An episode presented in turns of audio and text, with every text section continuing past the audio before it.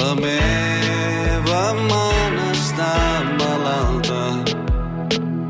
És una grip amb febres altes. Àlex Almas, bona nit.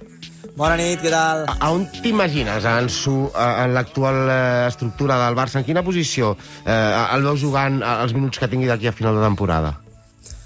Bé, d'entrada coincideixo, eh, en que jo crec que tindrà pocs minuts. Uh, és difícil, és difícil veure-ho perquè jo crec que Ansu en el seu nivell és el millor 9 i el millor 11 que pot tenir aquest equip a la vegada. Per tant, el veig combinant molt la posició d'extrema esquerra i de, i de nou. De fet, l'únic partit en el qual juga amb Xavi a la banqueta ho fa així, juga a les dues posicions. Si em fas mullar, jo et diria que aquest any el veurem més eh, de nou els pocs minuts que tingui, que, tingui que, que d'extrema esquerra, no? Traient-li minuts a cara- Aubameyang, potser. Els que li pugui treure. O a Dama. O a Dama crec que també pot sortir perquè al final, mm, quan jugui per fora, pot reconvertir a Ferran cap a la dreta i després també una miqueta a Auba, però jo crec que el que perdria més pes seria, seria Dama, en el supòsit eh, de que acabi tenint uh, minuts, que això està per veure. Àlex, aquesta setmana hem estat parlant de processos de renovació, el d'Araujo, el de Gavi. De moment no, no avancen a gran velocitat, no hi ha res descartat, evidentment. En el cas d'Araujo, el Barça li ha dit que té una oferta sobre la taula i que no la millorarà. Veurem si és una posició negociadora o si, o si és així. I, en paral·lel, eh, també hem anat sabent que el Barça va tancant jugadors perquè arribin lliures a l'estiu. Són jugadors lliures, eh, que no pagaran traspàs per ells. Hi ha dos casos tancats, Christensen i que sí, i hi ha el cas d'Azpilicueta, que està esperant a veure si soluciona la seva situació amb el Chelsea. Um, què aportaria diferent Christensen a Araujo? Home, a, a, a mi d'entrada Christensen em sembla una incorporació super interessant, però és un perfil bastant diferent a Araujo, és a dir, és molt més similar a Piqué que a Araujo. Uh, és a dir, que si arriba Christensen o no arriba, el Barça seguirà necessitant el perfil d'Araujo, això d'entrada. Després, home, és molt superior en sortida de pilota i en aquesta capacitat d'iniciar el joc. Per mi té una... De fet, té una grandíssima sortida de pilota, uh, i per mi té una cosa molt important, que és una de les millors passades filtrades d'Europa.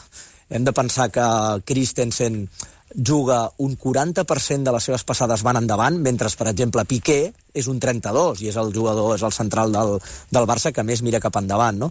I a més arriba amb molta facilitat i molta fiabilitat. Crec que això és molt important per al tipus de futbol que vol, que vol Xavi, no? Que ja ho sabem, que és eh, progressar a partir des del darrere i no, no tenir necessitat de treure un tercer o algú del mig del camp per solucionar aquestes situacions de, bé d'inici del joc. Uh -huh. però, però la teva pregunta jo crec que, que és, no és un substitutiu d'Araujo, sinó algú que vindrà a sumar i algú molt interessant, eh, per mi. El cas de que sí, aquest migcampista del Milan, que també arribaria lliure, eh, migcampista amb, amb recorregut, però sembla que el migcamp del Barça està com eh, ben, eh, ben format, o sigui, té, té molts recursos.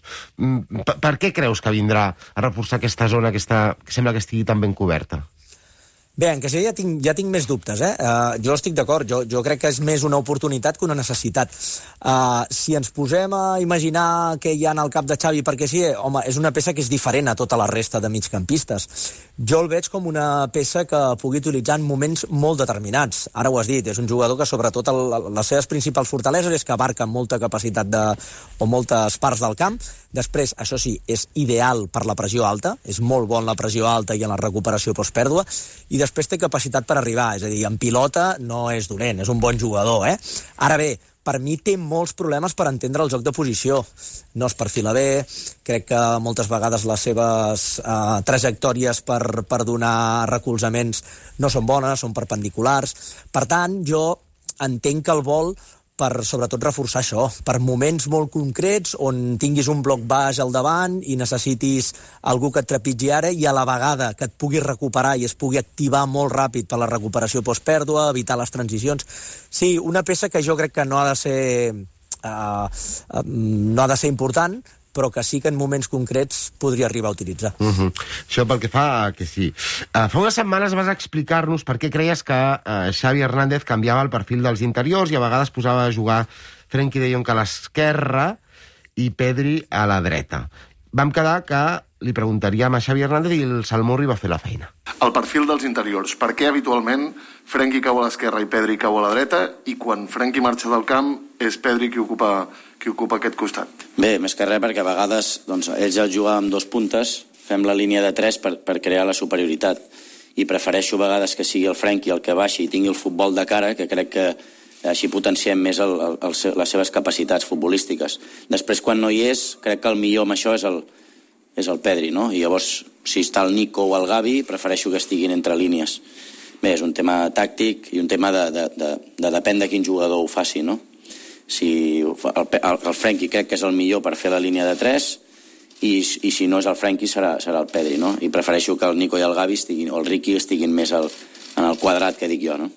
O sigui, hi ha jugadors per jugar entre línies i hi ha jugadors per jugar més de cara. I entre aquests hi ha eh, Frenkie de Jong. A això vol dir que Frenkie de Jong, quan hagi de fer una sortida entre els dos centrals i un migcampista perquè el rival et ve a buscar i et pressiona, eh, jugarà sempre més endarrerit que Busquets, o sigui que Busquets està molt acostumats a, a veure'n infiltrat entre centrals per fer sortida 3 contra 2.